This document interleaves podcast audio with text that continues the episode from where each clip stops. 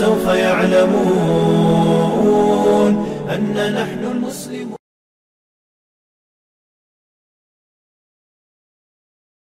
الصلاة والسلام على رسول الله. استعين بالله لا حول ولا قوة إلا بالله. اللهم أرنا الحق حقا وارزقنا اتباعه وأرنا الباطل باطلا وارزقنا اجتنابه. اللهم لا سهل إلا ما جعلته سهلا وأنت تجعل الحزن إذا شئت سهلا.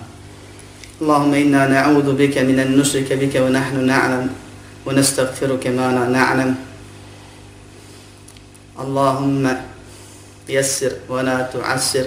اللهم تمم مبارك اللهم بارك وتمم بالخير. اللهم اجعلنا هداة مهتدين غير ضالين ولا مضلين.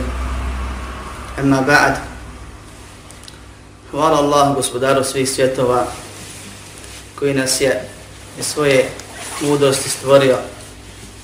Zatim nas konstantno obskrbljuje i dovoljno nas je obskrbio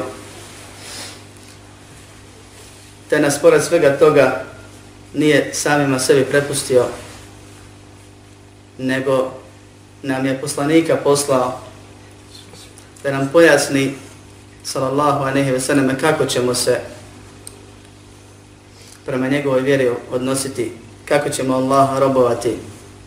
Zatim nam, nakon što je, kad je htio poslanika sebi povukao, sallallahu aleyhi ve sallame, ostavio u zamjenu za to njegovu knjigu Kur'an i Kerim, uputu i vodilju, upustvo za upotrebu čovjeka, kako insan koji je s razlogom stvoren da se ponaša na ovom svijetu, kako da dostigne, a nikako ne može zaraditi Allahovo zadovoljstvo i njegovu milost. Salavat i salam na Allahova poslanika Muhammeda sallallahu aleyhi ve sallame, koji je, kad je Allah to htio, poslanicu primio, zatim se za nju borio, širio, primjenjivao i onda kad je Allah subhanahu wa ta'ala opet htio, on ga je usmrtio i sebi povukao nakon što je vjeru Allah njime upotpunio. I poslanik sallallahu aleyhi ve sellem pravi put da u tančine, u detalje pojasnio. Teoretski i praktično. Hvala Allahu subhanahu wa ta'ala koji nas učini od svih ljudi muslimanima, od svih muslimana sunetlijama, a od svih sunetlija onima koji je tevhidu podučio, pravoj vjeri podučio i kojima je omogućio da pored svih razro, razno raznih stvari koje obmanjuju i zavode, koji nam je omogućio da dođemo, da sve to ostavimo i slušamo njegovoj vjeri. Nezmjerna hvala Allahu gospodaru svih svjetova. Kaže Allah subhanahu wa ta'ala u svojoj plemenitoj knjizi Inna fi khalqi samawati wal ardi wa ikhtilafi al-layli wan nahari la ayatin li ulil albab zaista u stvaranju nebesa i zemlje, smjeni dana i noći su znakovi, dokazi za one koji razmišljaju, koji pameti imaju i koriste tu pamet. Koji uzimaju pouku iz onoga što vide oko sebe. Da svašta nešto počinje i da svaki početak ima svoj kraj i da na kraju to kraja nije konačni kraj, nego počinje nešto novo pa dan i noć se smjenjuju, posjećajući nas na život i smrt. Također, stvaranje nebesa i zemlje, ovako savršeno stvaranje, bez mahane, pored svih onih stvari koje se dešavaju tokom dana i noći, tokom mjeseca, tokom godine i tokom cijelog ovog perioda, ako je Allah stvori nebesa i zemlje, nužno nam ukazuje da oni imaju svog stvoritelja, da oni imaju svog upravitelja i da smo mi od nekud došli s razlogom stvoreni, a ne onako bez razloga. I zato Allah subhanahu wa ta'ala kaže ovdje da je ajat ili unil albab dokaze za one koji imaju razum, to je skoriste ga svi ljudi uglavnom su dobili razum. A oni koji imaju razum ograničen na dunjalku, imat će ispit na ahiretu, da im neće nepravda biti učinjena. A na drugom ajetu Allah subhanahu wa ta'ala kaže inna fi ihtilafi al-layli wan-nahari wa ma khalaqa Allahu fi as-samawati wal-ardi la ayatin li yattaqun. Zaista je u smjeni dana i noći i u onome što je Allah stvorio na nebesima i zemlji zaista su u svemu tome dokazi za one koji su bogobojazni. I time nam Allah subhanahu wa ta'ala išareti da oni koji istinski koriste ispravno svoj razum su oni koji vjeruju. I oni koji po vjerovanju djeluju pa su bogobojazni. Jer bogobojaznost je izvršavanje naređenog i klonjenje onoga što je zabranjeno s ciljem približavanja Allaha, Allahu subhanahu wa ta'ala i zadobijanja njegove milosti. I ponovno napominjem zadobijanja, a ne zarađivanja, jer se Allahova milost i njegova nagrada nikad zaraditi ne mogu. Zbog toga insan kad se pojavi iz konta i naraste dovoljno toliko da može potrebiti svoj razum, počne razmišljati otkud ja ovdje. Pa često pita i roditelje, pa sluša u školi, pa komentariše sa drugima i izraste u neku osobu, radi po nekoj od više postojećih teorija, od kojih su pet najrašireniji, a tri najpoznatije. Pa ili ga ubijede da smo slučajno nastali nekakvom evolucijom, da je nekakvim sretnim ili zdravim mutacijama, mutacija ne može nikad biti zdrava, da su ljudi nastali preobrazbom iz jednog živog organizma u drugog, pa na kraju iz majmuna nastane čovjek po tom mišljenju. I tako vjeruje ili povjeruje ili počne i preuzme da to govori, a nikad u suštini nije smiren s tim, jer ima nešto što je duboko usađeno u njemu i što mu ne da da o tome zaista živi, da u to bude objeđen. Ili drugi dođu malo savremeni pa kažu ne, ne, to je davno pobijena teorija, postoje raznorazni naučni pored drugi dokaza da to nije ispravno. Međutim, nas su nekad od nekud vanzemalci na Dunjalu posijali kao dio jednog velikog eksper eksperimenta, pa nas vremena vrijeme održavaju i povremeno se upliću i miješaju naš ovo svjestki život i tako dalje, pa neko ju to povjeruje. A ako povjeruje, ponovno dolazi u sukob sa samim sobom i sa svim oko sebe u sukobu je sa svojim razumom, u sukobu je sa svojom fitrom ili uređenom stanošću za vjerovanje, u sukobu je sa historijom života na zemlji, u sukobu je sa prirodnim rješavanjima oko njega i tako dalje. Treći,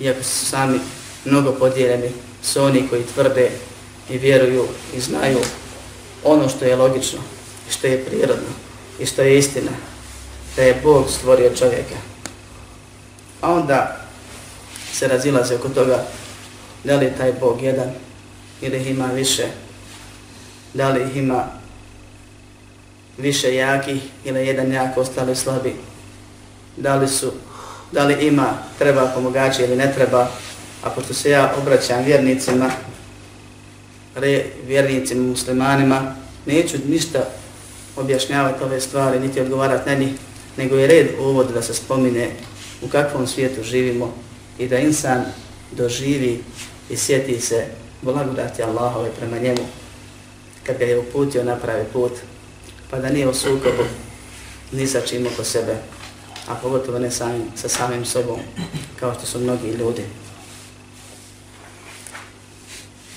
Znamo da nas je Allah subhanahu wa ta'ala stvorio i u to vjerujemo. I većina, ne većina, nego svi ljudi u to vjeruju samo što neki hoće da priznaju, neki neće da priznaju. Allah subhanahu wa ta'ala kaže فَأَقِبْ وَجْهَكَ لِدِينِ حَنِيفًا فِتْرَةَ اللَّهِ الَّتِي فَطَرَ النَّاسَ عَلَيْهَا لَا تَبْدِينَ لِكَلِمَاتِ لَا تَبْدِينَ لِخَلْقِ اللَّهِ ذَلِكَ الدِّينُ الْقَيِّمِ وَلَكِنَّ أَكْثَرَ النَّاسِ لَا يَعْلَمُونَ Kaže, okreni se ka pravoj, čistoj vjeri. Jer to je Allahova fitra, to jest urođenost, urođena sklonost na koju je Allah koju je Allah usadio u svoje stvorenja. La tabdira li halqi Allah. Ne može se ovo Allahovo stvorenje mijenjati po jednom tumačenju ajeta. to, ta sklonost ne može se promijeniti. Ne može čovjek zanegirati do te mjere da bude u potpunosti ubijeđen da nema ništa i da vjeri u nekom tamo izmišljotinu, produkt djelovanja ograničenih ljudskih razuma. Nego kaže Allah subhanahu wa ta'ala la tabdila li khalqi Allah. Ne može se Allahovo stvorenje mijenjati. To je Allahovo stvorenje. Velike dinul qayyim. To je prava vjera. To je ispravna vjera. To je čvrsta vjera. Onakinne ektara nasi la ja'lamun. Ali većina ljudi ne zna.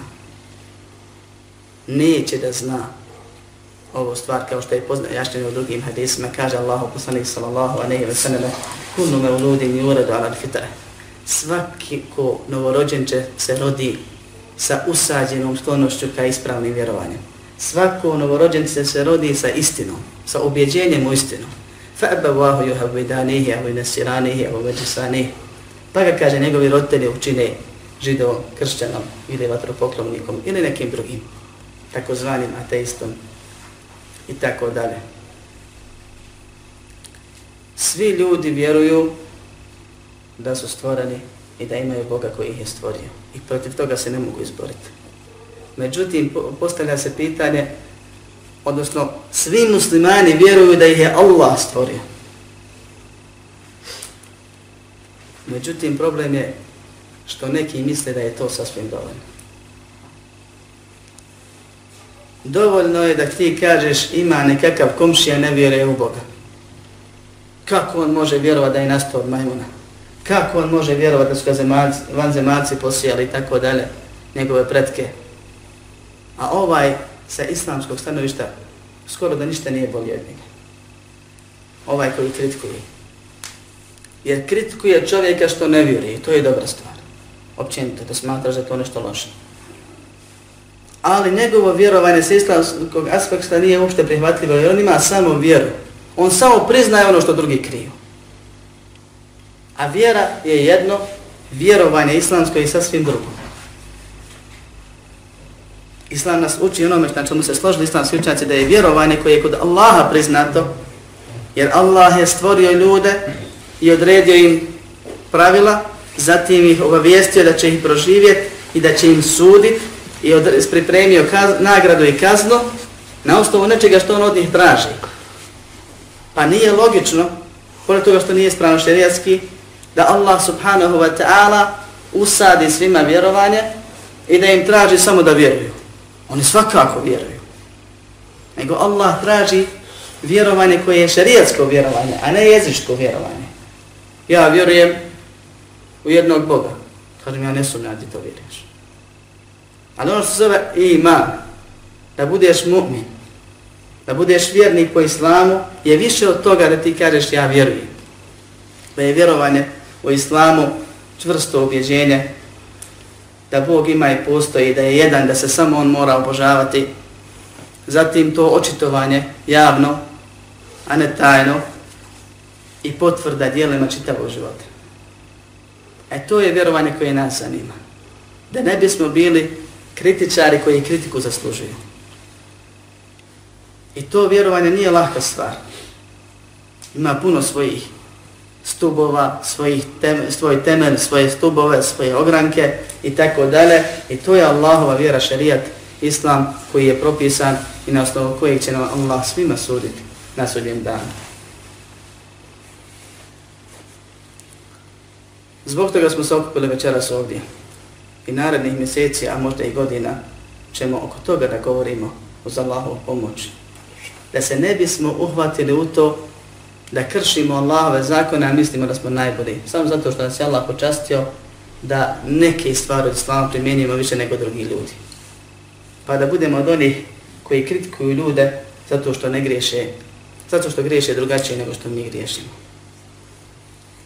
Nego da budemo, ako Bog da oni koji znaju šta je pravi put, spoznali su ga, razumiju ga, primjenjuju ga i nastoje koliko je moguće na tom putu da ustraju, da izvrše što više onoga što je naređeno, a sačuvaju se što više onoga što je zabranjeno. I zato ja ponovno Allah, nakon Allahove odredbe i dozvole pao izbor na knjigu Tevhida, knjiga o Tevhidu, koja počinje sa ajetom kojim će ja odpočeti večerašnje predavanje ko Bogda koji je svakako uvodno, a kaže وَمَا خَلَقْتُ الْجِنَّ وَالْإِنْسَ إِلَّا لِيَعْبُدُونَ I to je ujedno odgovor na sljedeće pitanje.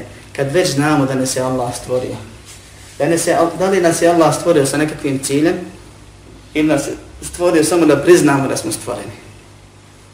Naprotiv, Allah uzvišen je postavio pravila i tu, tokom cijele objave i na mnogim mjestima u svojoj knjizi spominje da će biti dan suđenja, da će biti vaganje dijela, da oni koji urade tako nisu dobri, oni koji urade ovako dobri su, ra, postiče i poziva, radite nešto, zabranije druge stvari, što ukazuje da je vjera puno više od samog priznavanja i priznanja. Pa koji je to razlog naših stvaranja? Šta je to zaista svrha života? Imamo jedne krajnost koje negira uopšte postojanje Boga i tvoje život ima svrhu. Nego su kod njih ljudi, iako sami priznaju da su ljudi bića koja su, koji imaju jaču inteligenciju od drugih, kod njih su ljudi na nivou životinja. Cilj je da se nahrane, napiju, polno, opće i provodi. Što je znao i svrha svake životinje, da preživi život na taj način. Imamo drugu krajnost ponovno, ljudi koji smatraju da su vjernici, ja, dobri su općenito ljudi, jer smatraju sebe dobrim ljudima, pa čak i najboljim, pa kaže ja imam čisto srce, kad vidim ko ide u džamiju, ja tamo nikad neću ući, moje srce je bijele i čišće nego kod onog u džamiji. Zašto? Zato što on ne zna šta je čisto srce, ne zna šta je vjera koju Allah traži od njega, nego misli ako on samo vjeruje, i ako on poštuje, se, drži, poštuje ili drži se pravila koja je sam sebi postavila, je to sasvim dovoljno. Allah uzvišeni nam govora na ovo pitanje i kaže وَمَا خَلَقْتُ الْجِنَّ وَالْإِنسَ إِلَّا لِيَعْبُدُونَ Prije toga, da kažem, Allah uzvišeni je objavio Kur'an na arabskom jeziku, koji je najpotpuniji jezik koji postoji. Na tom jeziku se može izraziti jedna stvar na mnogo načina. I svaki način može biti bolji od prethodnog ili potpunijeg značina od prethodnog. I Allah subhanahu wa ta'ala napominje na nekoliko mjesta u Kur'anu da je Kur'an objavio na arapskom. Pa uzmite pouku. I zato je teško prevest ajet, a ne pojasniti neke stvari koliko je moguće to prenijeti, neke bitne koristi i zašto je ta rečenica rečena na taj način, a nije na neki drugi, vanštinom značenje isto, a u suštini je potpuno drugačije. Allah je mogao da je htio reći stvorio sam ljude i džine, stvorio sam svijet, stvorio sam stvorenja da me obožavaju. I to je apsolutna istina. Međutim, Allah se izražava na jednom većem nivou koji nema puno više značenja daje i kaže nisam stvorio ni džine ni ljude, ni zbog čega drugog, osim da samo mene obožavaju. Ovako se prevodi i razumijeva vajet u potpunosti. Kad dođe negacija, izuzetak, nakon negacije, u arapskom jeziku to znači ograničavanje značenja samo na tu stvar. Pa kad bi rekao nisam stvorio džine i ljude osim da me obožavaju, bilo bi dovoljno.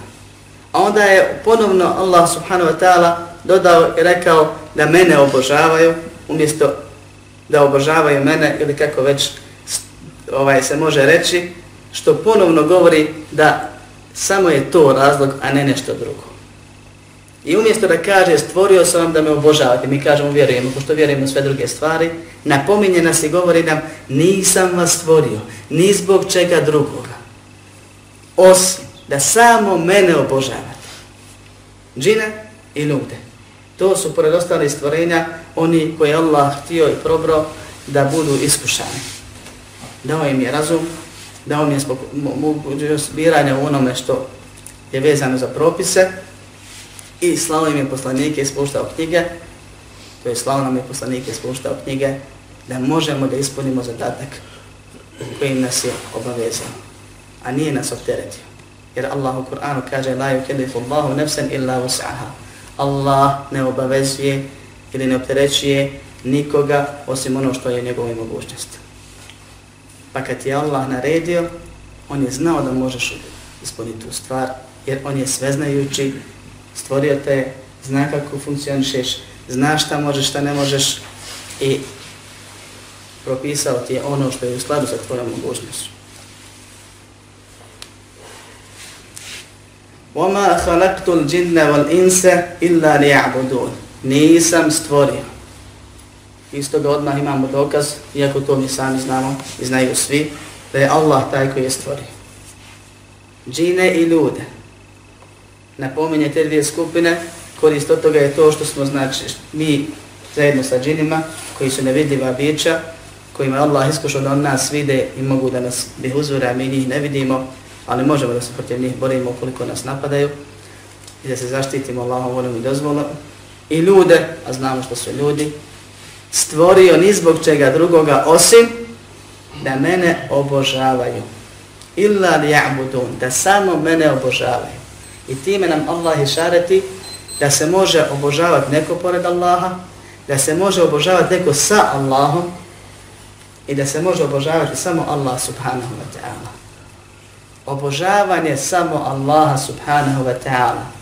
Jer je on jedini koji ibadet zaslužuje. Uz negiranje i odricanje obožavanja bilo čega drugoga sve njega, e, to je tevhid zbog kojeg smo stvoreni. To je tevhid kao što je došlo u komentaru od strane ashaba koji su bili poznati i učeni u, u, u tefsiru o ma'na ja'buduni wahidun. Znači ovo da samo mene obožavaju, da samo mene jednim smatraju. Pa su neki htjeli pokušati da prigovore tome, kažu to je mišljenje njihovo. Jer mi obožavamo Allaha i malo ibadetimo nekim drugima koji nas mogu da približe Allahu, pa nema u tome ništa sporno.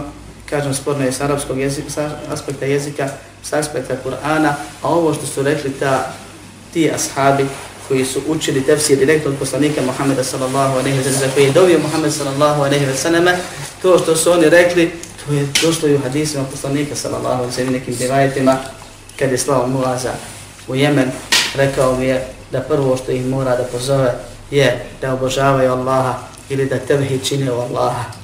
I to je riječ, odat dolazi riječ tevhid, što je infinitiv od riječi, od glagola vahada i vahidu tevhidan, što znači da ti smatraš ili učiniš nešto jednim jedinstvenim posebnim.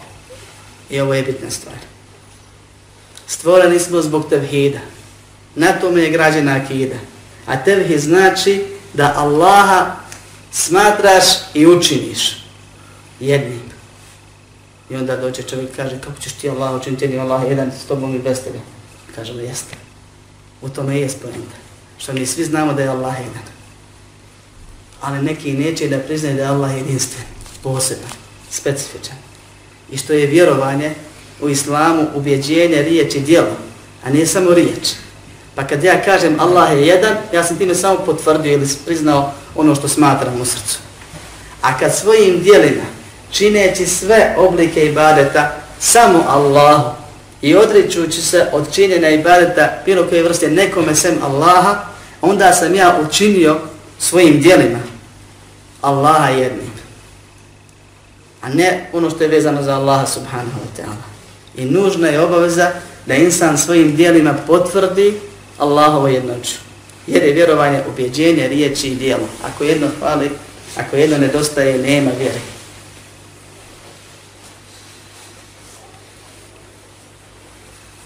Zbog toga je šeheh, rahimahullah, napisao knjigu Tevhida, o kojoj će ako Bog da biti riječ, i u kojima je pojasnio obaveznost tevhida, značenje tevhida, da je to prva i glavna obaveza. Vrijednost tevhida je se time brišu grijesi, širk i njegove propise, opasnost širka, obaveznost vjerovanja u tevhid. Napomenuli su neke stvari u tevhida koje inače ljudi zapostavljaju, po njima prelaze granice, krše i upadaju širk. I to ćemo ako Bog da objašnjavati naredni desetak ili više predavanja. A nakon toga je spomenuo 60 i nešto stvari kojima se krši ili ruši tevhid, kojima se umanjuje načinje nagreza ili u potpunosti ruši tevhid. Spomenuo je grijehe koji ili izvode izvjere ili opasno utiču na ima, na vjerovanje ili ne dolikuju taj riječi i dijela koje ne dolikuju onome koji je istinski monoteista, koji vjeruje da Allah subhanahu wa ta'ala samo jedan i da ga se treba obožavati jedino i nikog drugog sem njega subhanahu wa ta'ala, ne dolikim da to vjeruje ili da to kaže ili da tako uradi. I veoma je bitno muslimanu da prisustvuje, sluša, čita, kupi, nabavi i tako dalje, prati jedan ili više drsova vezano sa ovu stvar, jer ova knjiga, koja je mnoge druge, ali ona je posebna, jer Allah dao bereketa, on je raširila se po svijetu, ova knjiga je napisana s tim sinem kad se ummet polahko počeo da okreće od tevhide i zapada u širk, Allah je poslao one koji će ga pojašnjavati, pa je između njih jedan učinak napisao i sastavio knjigu koja je jedna od najvažnijih knjiga nakon Allahove knjige Kur'ana i koja je pisana po principu Sahiha Bukharijinog zato što u toj knjizi možete naći samo ajete Allahove knjige poslanik, hadise poslanika Muhammeda sallallahu alaihi sallam i na ponekim mjestima govor ashaba i tabina. Salafa ovog umeta. Nema ljudskog govora, ali su poredna po pogledima koja su bitna i zbog toga je veoma bitno da insan poznaje ono što se tiče njegove vjere, bilo preko ove, preko neke druge stvari, a ovo je jedan od najkraćih puta ka spoznaji tevhida i čuvanju tevhida Jer ne možeš nešto primjenjivati ako ne znaš šta je. Ne možeš u to pozivati kad sam ne znaš šta je. Ne možeš tvrditi da si na pravom putu ako pravi put nisi spodnji. I veoma, veoma je bitno da insan uči vjeru sa njenih izvora, da uči vjeru sa izvora, a izvore vjerovanja su Allahova knjiga i sunet poslanika Muhammeda sallallahu alaihi wa sallam. Pa kaže šejh nakon naslova knjiga o tevhidu, A tevhid je da vjeruješ da je Allah subhanahu wa ta'ala jedan jedinstven u onome što u čemu se izdvoji od drugih ili čemu nas je obavezao da ga izdvajamo subhanahu wa ta'ala od drugih. To je monoteizam, to je vjerovanje da je Allah jedan. Inače, onaj ko kaže Allah je jedan, u, u mogućnosti je njegov sagovor ne kaže dobro ja sam jedan. Ne postoji niko osim mene, sličan mene, isti ko je imenom, prezmenom, likom, dijelom, sastavom i tako dalje. Nije poenta to da kažemo Allah je jedan, on je jedan, ovaj je jedan. Nego Allah je jedinstven, poseban. To Allah od nas traži. Da ga veličamo tako što ćemo ga izdignuti stvorenja. Jer Allah sebe ospisujući kaže Lesek emitlihi šej, pa huva se nije basir. Njemu ništa nije slično. On sve čuje i vidi. I stvorio nas da potvrdimo njegovu jednoću tako što ćemo samo njemu robovati. Samo njega potpuni, savršenim smatrati.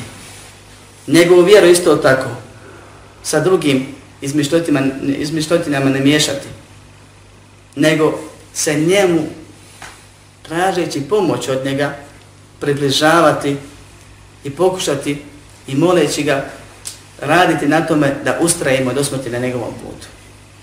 Vjera nije teška.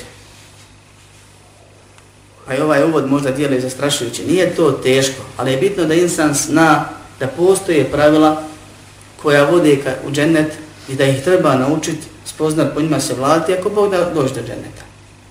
A ne mislit da je dovoljno reći ja vjerujem ili da je dovoljno uzeti od vjere samo vanštinu ili da, do, da je dovoljno govoriti ljudima kako si ti spoznao suštinu a na tvojim dijelima se nikako ne vidi, nego je vjera jedan cijeli sistem, sistem objeđenja, riječi i dijela koje insan mora da nauči osnovne stvari ili što više od toga zna, to bolje vrijedi i bolje se potom vlada.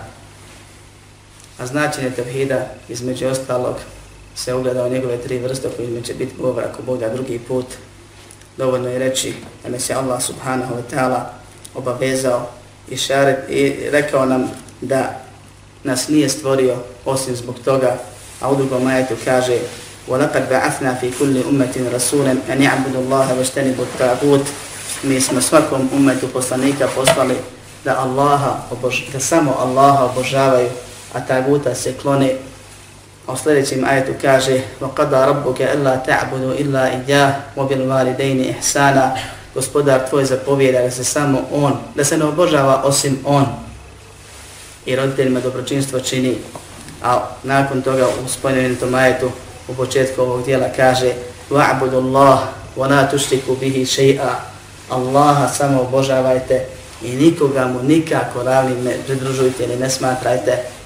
Tako da je ovo ovi nabrajani ili navedeni ajeti su dokazi da je razlog naših stvaranja tevhid vjerovanje i ispoljavanje Allahove jednoće, da je to glavna obaveza, da je spoznaje tevhida kao što Allah subhanahu wa ta'ala podučava i naređuje svom poslaniku sallallahu alaihi sallam. Ko je preči od nas ili ko ima pravo da kaže, ne odnosi se to na mene, koji je poslanik sallallahu alaihi sallam upozore na to, pa kaže fa'nam ennehu la ilaha in Allah, znaj da nema Boga sem Allaha. I napominje ga. I da je Allah subhanahu wa ta'ala najveće što je zabranio je širk, pa kaže va'budu Allah wa la tušriku bihi še'a, a širk je potpunosti suprotno tevhidu. Ako je tevhid vjerovanje da je Allah jedan onome što je on, čemu je on poseban i što od nas traži da ga u tom izdvajamo, to jest ibadet, nakon njegovih osobina i dijela, onda je širk narušavanje toga u bilo kojem njegovom obliku.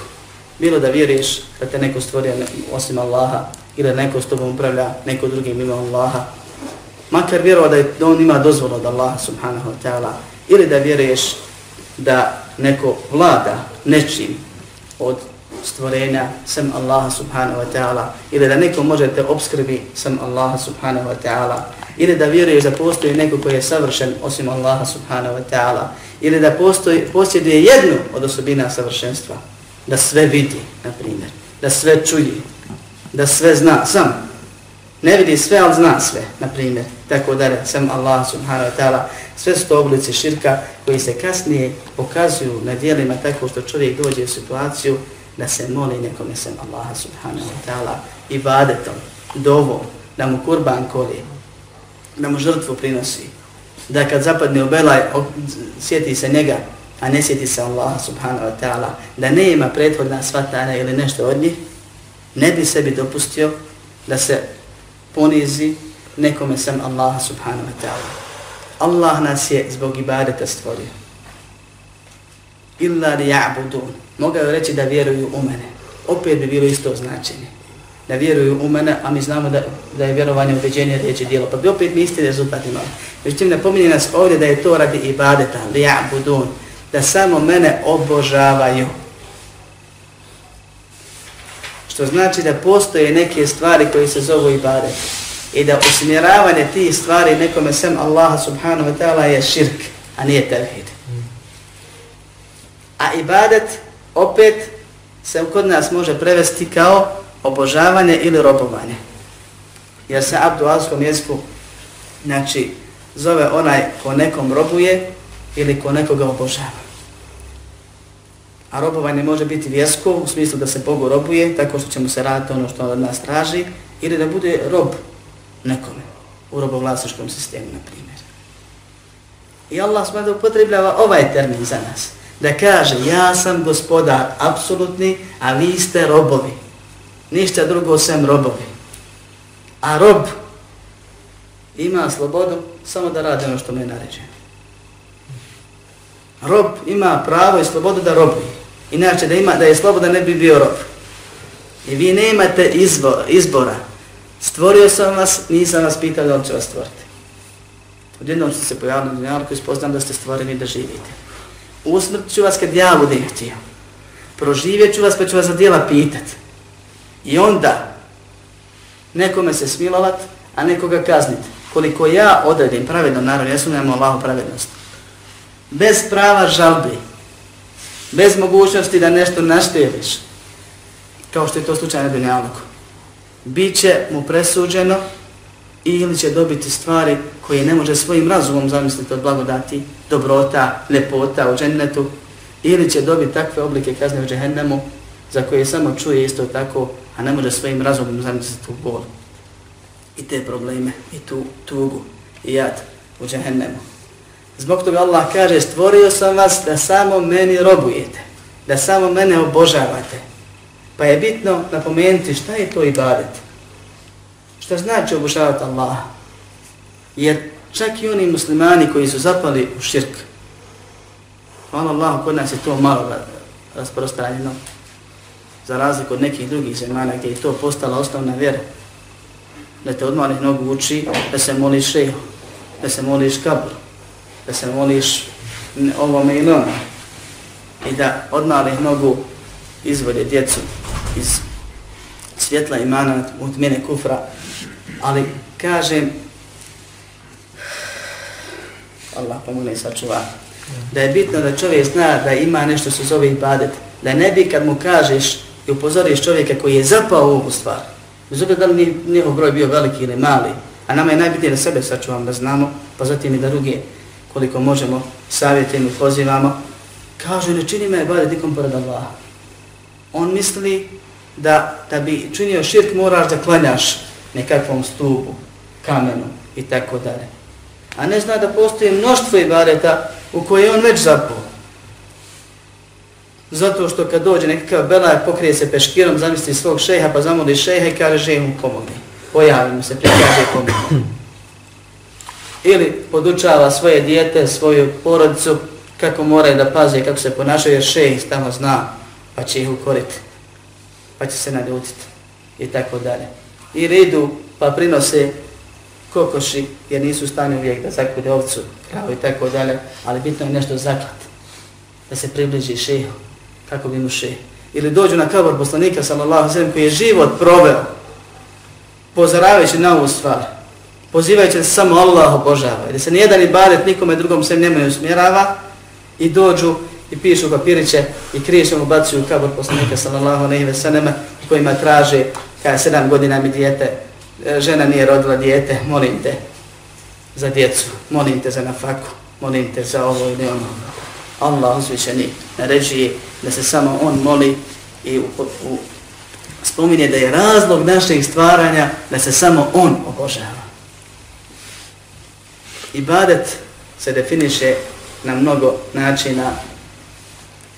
Najpoznatija izreka šeha Ustami ibn Taymije da je ibadet sve što Allah subhanahu wa ta'ala voli sa čime je zadovoljan od riječi i dijela javnih i tajnih. Ili ibadet je drugim riječima približavanje Allahu subhanahu wa ta'ala veličajući ga ponizno ga veličajući iz ljubavi, straha i nade. Ili pokoravanje Allahu subhanahu wa ta'ala ponovno, znači, ponizno ga veličajući iz ljubavi, straha, nade, drugi okrenu pa kažu, jer ovdje je bitno da se sa obuhvati pet stvari koje ću napomenuti, pa kažu veličanje Allaha poznizno mu se pokoravajući zato što ga voliš, što od njega strahuješ i što se kod njega nadaš. A sve je to vezano zato što je tevhid sastane od tri svoje vrste, a to su vjerovanje da je Allah gospodar, da je Allah subhanahu wa ta'ala savršen i da se samo ono obožava i što insan taj prirodni nagon kojeg ima, kojeg je poslanik sa navezan spomenuo u hadisu i Allah u Kur'anu prije toga, za vjerovanjem i obožavanjem jednog Boga ispodava tako što ili je svjestan svoje manjkavosti pa ima potrebu da nešto veliča, jesu ljudi manjkavi, oni to znaju, ili mu nešto treba pa se mora tome da približi, a opet to što traži, ili ima nešto pored njega, pa može dobiti dobro ili zlo, pa strahuje od zla, nada se dobru, ili pak želi da dobije to dobro i strahuje da ne izgubi to dobro. Pošto je Allah subhanahu wa ta'ala na obavezao nas da u Fatihi svaki dan, a svaki dan je moramo učiti po nekoliko puta, kažemo Alhamdulillahi Rabbil Alamin i šarite nam je na ovu stvar. Da kažemo sva hvala i zahvala, to je savršenstvo, I zato ga hvalimo, zato mu zahvaljujemo. Pripada Allahu subhanahu wa ta'ala. Allah je od riječi al-ilah, što znači Bog. To mi je najveće ime subhanahu wa ta'ala. A Bog je onaj ko se obožava. A obožavanje čine mi ibadeta. Dakle, Bog je svako onaj kome se ibadet učini. Pa kad neko nešto od ibadeta učini nekom drugom, uzeo ga je za Boga. Alhamdulillah, Rabbil Alamin, gospodaru svih svjetova. Gospodar pravi je onaj koji nečim nešto posjeduje i apsolutno njim gospodari, to jest upravlja, održava i tako dalje. A pošto nema stvoritelja sem Allaha subhanahu wa ta'ala, gospodarstvo Allaha se ugleda u tome što je Allah ne bez sumnje sve stvorio. I sve posjeduje. Niko nema neki udio u tome što Allah subhanahu wa ta'ala posjeduje. I nakon toga sve svim tim upravlja. Tako što je postavio zakon, zakone po kojima sve se dešava, koji nešto stalno se upliče, kod je umin huve fi šen, svakog dana se zanima nečim, to jest nekoga uputi, nekoga odvede u zavod, nekoga obskrbi, nekoga oduzme na faku, nekoga oživi, nekoga usmrti i tako dalje. I koji je na, post, na osnovi tih prethodnih pravila kosmičkih, šerijatskih i svog djelovanja pripremio kraj svega toga i nagrada i kazna. Što znači? Ako ti treba nafaka, samo je jedan način da je dobiješ. Da se moliš Allahu jer on sve posjeduje. A ako se bojiš da ćeš izgubiti na faku ili da ćeš dobiti zlo, jer živimo u svijetu gdje ima i dobra i zla i svaki dan te može nešto zadesiti. Ponovno se obratiš Allahu, strahuješ da te ne iskuša, ne iskuša ili da te ne kazni, jer Allah iskušava i kažnjava zbog greha koje imamo, kao što je napomenuo u Kur'anu. I strahuješ da ti nešto nije odredio kako bi te iskušao što tebi nije povori, pa se ponovno moliš Allahu da te sačuva. Ako te nešto zadesilo, znaš, iako znaš ko je sebe, pa ako te neko od ljudi uzrokao to, znaš da je to sve Božijom voljom Božijim određenjem. Pa se Allahu moliš da ti otkloni to što te zadesilo. Ako želiš nešto što već nemaš, a potrebno ti je, ili voliš to, ponovno se Allahu moliš da to dobiješ, jer je Allah taj koji stvari daje, koji sve posjeduje i sve daje kome hoće. I zato, kad Allah subhanahu wa ta'ala kaže da te je stvorio ciljem, pa ti pojasni cilj i napomeni da samo on je taj kod koji se taj cilj stvare, čovjek nužno zapada u situaciju ibadeta, situaciju robovanja. A to je da voliš onoga koji je savršen. Voliš, bez sumnje, onog ko ti je život dao, ko te obskrbljuje, koji ti daje zdravlje, zdravlje, vi, sluh, razum, mnogobrojne blagodati koji ne možemo popisati na papir, ne možemo ih se sjetiti. Šta smo sve tokom života dobili, tokom dana i noći. I od čega smo sve sačuvani. Voliš Allaha subhanahu wa ta'ala beskrajno, ne poredi se ljubav, ne može se nikako, ni jedna vrsta ljubavi sa ljubavi prema Bogu, prema Allahu subhanahu wa ta'ala. I onda kad razmisliš o njegovoj savršenosti, nužno se poniziš. Nikad ne spava, ne odizima ga ni, ni san ni drijemeš. Sve je u stanju da uradi. Neizmjerno milostiv, a pored toga žestoko kažnjava. A kad kažnjava ili kad se smiluje, on je azizun hakim, moćan, ne miluje se, nije se smilovao zato što je slab na nekoga. Hakim, mudar, kad je nekoga kaznio, zaslužio je kaznu, trebalo je kaznu, sve drugo je neispravno. Kad je nekome oprostio, trebalo mu je oprostiti. Nije zaslužio oprosti, ali je zadobio Allaha oprosti, trebalo mu je oprostiti.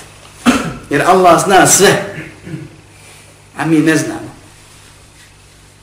I kad znaš te stvari, normalno je i nužno da se ti ponižiš, do, poniziš do dna, maksimalno, da osjećaš poniznost prema Allahu subhanahu wa ta'ala. Istovremeno, paralelno s tim, ti, se, ti Allaha veličaš maksimalno. Ljubav, poniznost, veličanje. Allah da je samo to traži, bilo bi dobro, mi razmišljamo i priznajemo to. Ti kaže da me obožavaju. Nije rekao da u mene vjeruju. Znači moramo nešto da radimo. A onda se ti pokoravaš Allahu subhanahu wa ta'ala iz tih razloga. Zato što znaš da moraš, jer ste zbog toga stvorio. Zato što znaš s kim se obhodiš. Ko je taj? Savršen, potpun, neovisan. Ja Johan nas, entumul fuqara'u fukara'u ila Allah, wallahu huwa ganiju l'hamid. O ljudi, vi ste ovisni o Allahu u potpunosti. Allah je u potpunosti al-gani, potpuno neovisan al-hamid. Hvala je dostojan. Samo možda ga hvališ zbog toga. Ne ga veličaš. Te prilikom tog pokoravanja, kažem, poniziš, veličaš, voliš, pa mu se pokoravaš, ti to činiš iz dva razloga, iz straha i nade. Iz nade da dobiješ ono što je kod Allaha subhanahu wa ta'ala, prije svega džennet i vječnu sreću, a zatim i ostale dogled koje Allah daje subhanahu wa ta'ala. I straha da ne izgubiš prvo to i da te ne rade se nešto drugo od belaja. Pa ako bude Allaha subhanahu wa ta'ala obožavao samo iz ljubavi, ta je zindik po prvom pomišljenju prvih selefa, to su otpadnice od vjere koji su izmisli to da bi pokrili svoje manjkavosti, rekli su mi samo iz ljubav obožava, nama ne treba ni vatra. Ko bude Allaha subhanahu wa ta'ala obožavao samo iz straha, to je Haridžija. Ponovno jedna sekta, jako opasna i prva sekta u islamu koja se pojavila na sallah sačuva njihovi pričenja koji su poznati kroz istoriju dan danas potrebno što samo bore i ubijaju muslimane. I to im je uvijek bila glavna stvar. Ako bude Allaha subhanahu wa ta'ala obožavao samo iz nade, taj je murđija, to su oni koji kažu da dijela nisu bitna, da dijela su nebitna, da ne spadaju ima, da je bitno da imaš ti čisto srce i da ti fino. Ako bude Allaha subhanahu wa ta'ala obožavao iz ljubavi, straha i nade, paze, uvijek se prvi, prva rečenca, mnogi daju prednost na ove tri stvari. Prva rečenca je ko bude Allaha obožavao, ne ležu, ne spavu, nego radio ono što Allah od tebe traži, trudio se da ispuniš. I klonio se onoga što je zabranjeno, ali s koji su razlozi? Iz ljubavi prema njemu, iz straha od njega, iz nade u njegovu milost i njegovu, njegove blagodati i obećanje koje, koje je obećao vjernicima, ta je sunnetleja. Ta je na putu Muhammeda sallallahu alaihi wa sallam. A je li bitno da znamo na kojem sam putu i te kako je bitno jer nas je poslanik sallallahu alaihi wa sallam ovaj vjerodostavnom hadisu upozorio i napomenuo da će se umet podijeliti na 73 velike skupine. Pored podskupina koji imaju, svako od njih. I da svi idu ka džehennemu, ka vatri, osim jedna, pa kaže, to su oni koji budu na onome na čemu sam ja danas i moji ashabi. I to su oni koji su u zajednici, koji se drže zajednice, a koja je zajednica ono o kojoj on govori? Zajednica koja je prilagodila sebe na osnovu objave. Allah subhanahu wa ta'ala, koja razumije vjeru onako kako je poslanik sallallahu alejhi ve sellem podučio i praktikuje i primjenjuje vjeru onako kako je poslanik sallallahu alejhi ve sellem odgojio podučio i oni koji budu nastavili tako da uzimaju vjeru ubjeđenjem, riječima i dijelima ili razumijevanjem i primjenom, takvi su na sunnetu i takvi su tako te spašene skupine, onoliko koliko se budu držali toga. Nema niko pečat da kaže ja sam u ovoj grupi, ja ću dženet, Bože sačuvaj. To ashabi za sebe nisu govorili. A bili su bez imama su nije. Nego onoliko koliko si dobar sa Allahom subhanahu wa ta'ala, a dobar si s njim ne zato što ga puno fališ, spominješ ili sebe puno hvališ kako si ti dobar vjernik, nego onoliko koliko primjenjuješ od njegove vjere i razumiješ, toliko si ti na pravom putu i tolike si ti šanse da uđeš u džennet. Kaže u drugom ajetu وَلَقَدْ بَعَثْنَا فِي كُلِّ أُمَّةٍ رَسُولَنَا نِعْبُدُ اللَّهُ وَشْتَنِبُ التَّاغُوتِ Svakom ummetu smo poslali poslanika da Allaha obožava i da se taguta kloni. I to je dokaz, u ovom ajetu je dokaz da je Allah subhanahu wa ta'ala zbog tevhida poslanike slao. Ni zbog čega drugoga. O kojim smo počeli govoriti, o kojim govor cijelo, cijelo vrijeme. A šta je tevhid? da se Allah samo obožava i da se insan ne vjeruje, odrekne obožavanje svega sem njega. U vjerskom smislu. Da kažeš ja sam zaista musliman, kao što Allah subhanahu wa ta'ala kaže u Kur'anu i traži od nas. A musliman znači da ja sve ibadete samo Allah uspoljavam, pražnjavam onako kako i nas je podučio poslanik Muhammed sallallahu alaihi sellem sa jasnim dokazima. I oko će, će ako Bog da biti govora, to znači da se ta guta kloni, jer tagut u širem smislu riječi znači sve ono što nije, svaki oblik zablude, kao što nas je podučio šeha Abdallah Iman i drugi, lako se čuva Svaka zabluda je tagut u, smislu riječ, u širem smislu riječi, a bit će ako bude govora preciznom definiciji, vrstama i podijeli kad doće za to vrijeme u ovoj ili drugoj knjizi. Zatim kaže Allah subhanahu wa ta'ala وَقَدَا رَبُّكَ أَلَّا تَعْبُدُوا إِلَّا إِجَاهُ وَبِلْوَالِدَيْنِ إِحْسَانَ Gospodar tvoj zapovjeda da se ne obožava osim on.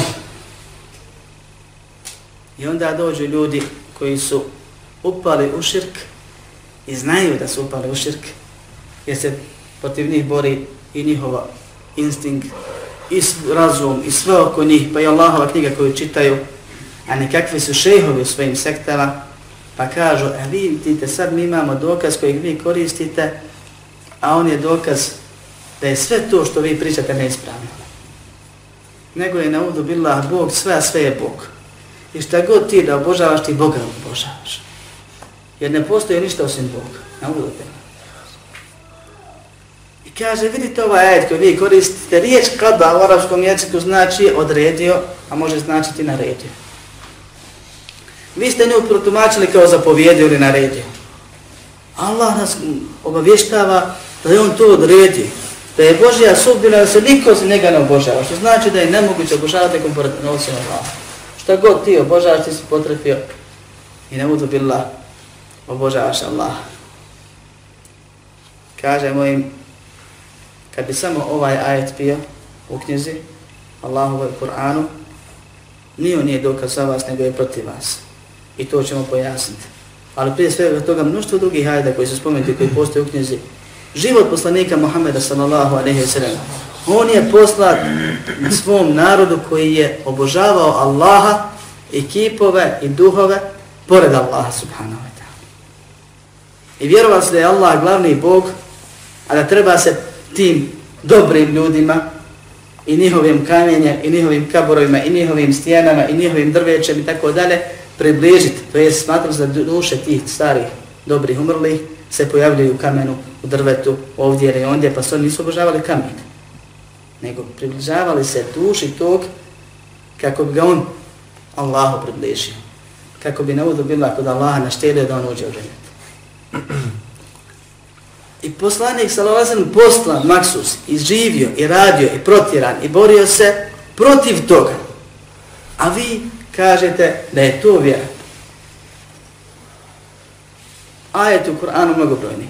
Hadis poslanika sam sam još vi, više ih ima od toga. A da se vratim na ovaj ajet kojim, kojim vi dokazujete da je Muhammed sallallahu alejhi ve sellem njegov umetu zavrdi, a vi koji se pripisujete njegov umetu da ste na pravom putu, kažemo ta isti ajet i zato je šeh dodao ovdje i drugu rečenicu, ona najbolje zna, nije, jer ajet je nepotpuno. Ima druge tamo naredbe zabran koji se ne tiču vjerovanja. Ali je spomenuo jedan od propisa. Kaže gospodar tvoj zapovjeda da se samo Allah, on moli, da se ne moli osim on, da se ne obožava osim on i da se roditeljima dobročinstvo čini. Postavljamo vam pitanje. Jesu li svi ljudi danas na dunjavu dobročinitelji svojim roditeljima? Ima li i jedan insan na svijetu da je nepokoran roditeljima? Da je grub prema roditeljima? Da tuče svoje? To ima i koliko hoće. Pa ako je riječ kada u ovom, u ovom ajetu, ako znači Allah je odredio, a ne znači Allah je naredio, onda Allah nije da kako treba ne uzbila odredio. Dešava se, Allah odredio, a to ne dešava se supravo, što je nespojivo sa islamskim vjerovanjem. Nego se riječ kada mora razumjeti onako kako je došlo u kontekstu je došlo. Da je Allah zapovjeda i traži da se ne obožava, ne ibadet ne čini nikom sem njemu. I da se rotirima bude dobar, bude dobročinitelj. I mnoge druge stvari koje Allah spominje u Kur'anu, poslani sam svemu hadesima. I to je dokaz da se mora ibadeti samo Allah subhanahu wa ta'ala, a nije dokaz da čovjek se može da razbaci sa ibadetima lijevo i desno, da na kraju kaže gdje god bacim, pogodio sam ne udu bila Allahu stranu, kao što sam tako izražavali, da ostane opet, da prevodim. Ako Bog da u narednim predavanjima će biti govora o oporici poslanika Muhammeda sallallahu alaihi wa sallam, koja je nastavak ove teme o kojoj govorimo, bit će o vrstama, detaljan govor o vrstama tevhida i značenjima ibadeta i pravilima koj, po kojima se prepoznaje ibadet, šta je zaista ibadet, uz neke koristi, ako Allah da, koje ćemo dodati, da ne bude samo monotono i nekako naučno, čisto. Molim Allah subhanahu wa ta'ala da nagradi vas koji ste došli, da vam da sabora, da nas pomogne da naučimo ono što nam koristi, što nam treba, od čega, nas, od čega naš vječni život zavisi. Ovaj da će proći ovako ili onako. Da nas pomogne da ustrajemo na učenju i primjeni i pozivanju u ispravnu Allahu vjeru, da nas pomogne da budemo na umjerenom putu, bez pretjerivanja i bez popuštanja, baš onako kako je bio Muhammed sallallahu alaihi wa sallam i njegovi ashabi. Alhamdulillah, wassalatu wassalamu ala rasulillah.